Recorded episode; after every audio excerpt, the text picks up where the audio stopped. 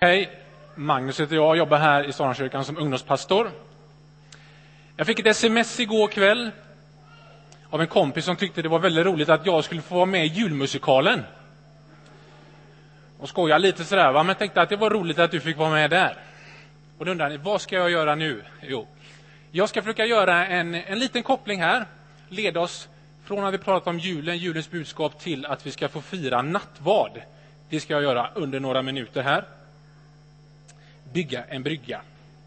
Varje människa bär en stjärna, vars hjärta bär en sång om detta barnet, vår räddning, som Guds gåva hit en gång. Så har vi hört sången som beskriva oss, till oss varför vi firar jul. Vad bjuder du på när du ska fira någonting? Vad bjuder du på när det är fest? När ni ska fira någonting? Finns det någonting som du ofta bjuder på? Finns det en rätt eller en efterrätt eller en tårta som är så smarrig så den återkommer? Liksom? Det har blivit en tradition, så att säga.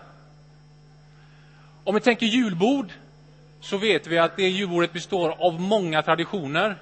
Och Det kan bli lite småkris om en rätt är borta ett visst år. Vad är den här rätten? Vi ska ju fira julbordet det kanske inte längre är en god jul. En av de mest, tycker jag, oväntade traditionerna när det gäller mattraditioner är ju vårt älskade IFK Göteborg. Ja. Jag trodde den skulle komma. Men tänk då, ändå lite oväntat, trots man är gaisare, så firar IFK ännu ett SM-guld.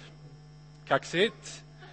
Och då är det inte pärlhöna som de fick igår på Nobelfesten. Det är inte hamburgare. Det är inte cupcakes som är inne nu, va? Och det är inte heller smörgåstårta, utan när IFK Göteborg firar SM-guld, då bjuds det på pyttipanna. Ja. Det, det är traditionen. Så 18 gånger så firas det med pyttipanna. Idag så berättar vi julens budskap om att Jesus föddes som en Guds gåva. Och det gör vi som kyrka varje år. Och det gör vi på olika sätt. Och I år så gör vi det genom en musikal vi tycker liksom det är värt att firas. Vi tycker det är värt att firas. Eh, en liten annan grej. Idag så vet vi och vi läser i nyheten att i, i Etiopien sitter det två stycken svenska journalister fängslade från Göteborg. Eh, de sitter fängslade för de tog risken att åka dit, försöka skriva om brotten mot mänskliga rättigheter och oljebolagens inblandning i detta i området Ogaden i Etiopien. Och så diskuterades det varför de tog den här enorma risken. Och chefredaktören på en av tidningarna som ska publicera eventuellt den här rapporten de kan skriva, han skriver så här, varför de kunde ta den risken. Lyssna på detta. Johan och Martin visste att det enda sättet att uppmärksamma folk på den var att komma med starka ögonvittnesskildringar. Och så lyssna på detta. Vi människor berörs inte av statistik och rapporter. Vi berörs av vittnesmål och berättelser. Vi människor berörs inte av statistik och rapporter. Vi människor berörs av vittnesmål och berättelser. Det tycker jag stämmer. Berättelsen om Jesus innehåller en slags rapport kan man säga. Det var den tiden utfärdade kejsar Augustus en förordning att hela världen skulle skattskrivas. Men framför allt så innehåller berättelsen ögonvittnesskildringar.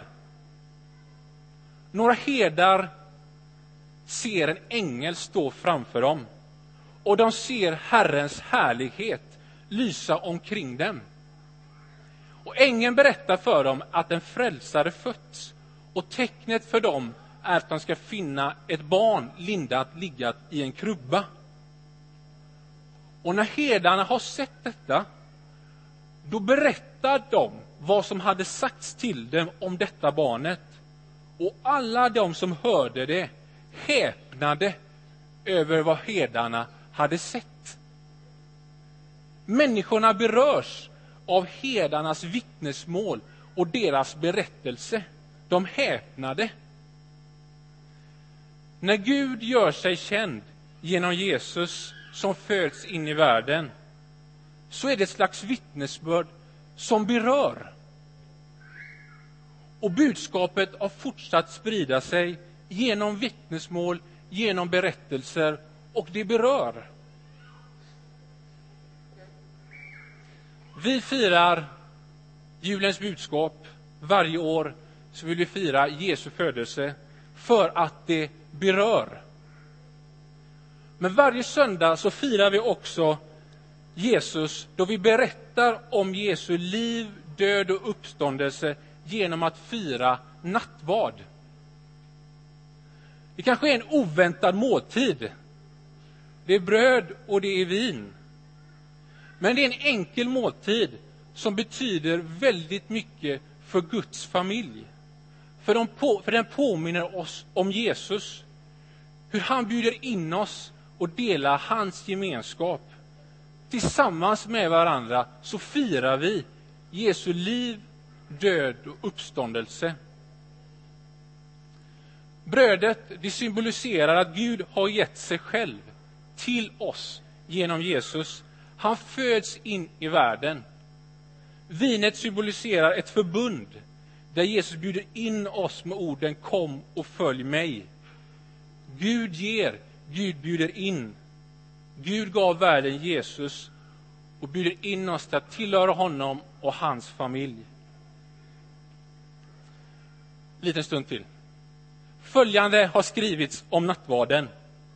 Var gång ni äter det brödet och dricker den bägaren förkunnar ni alltså Herrens död till dess han kommer. Musikalen Hjulspår har Dag velat beröra oss med berättelsen om Jesu födelse. När vi firar nattvard förkunnar vi, eller berättar vi, om Jesus och lämnar ett vittnesmål för varandra med våra liv och allt vad de innehåller av glädje, sorg, hopp, missmod, förväntan, längtan, frustration. Allt det, det som livet består av samlas vi kring Jesus. Ett bröd, en bägare och så hoppas vi på honom, Guds gåva, vår räddning.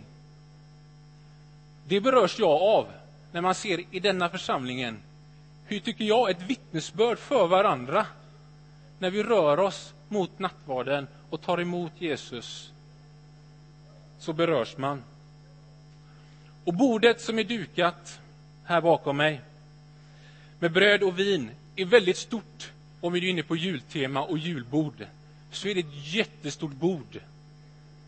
Alla får plats som är nyfikna på Jesus. Kring Jesu julbord, kring Jesu bord är alla inbjudna. Och det firar vi varje gång vi firar nattvard.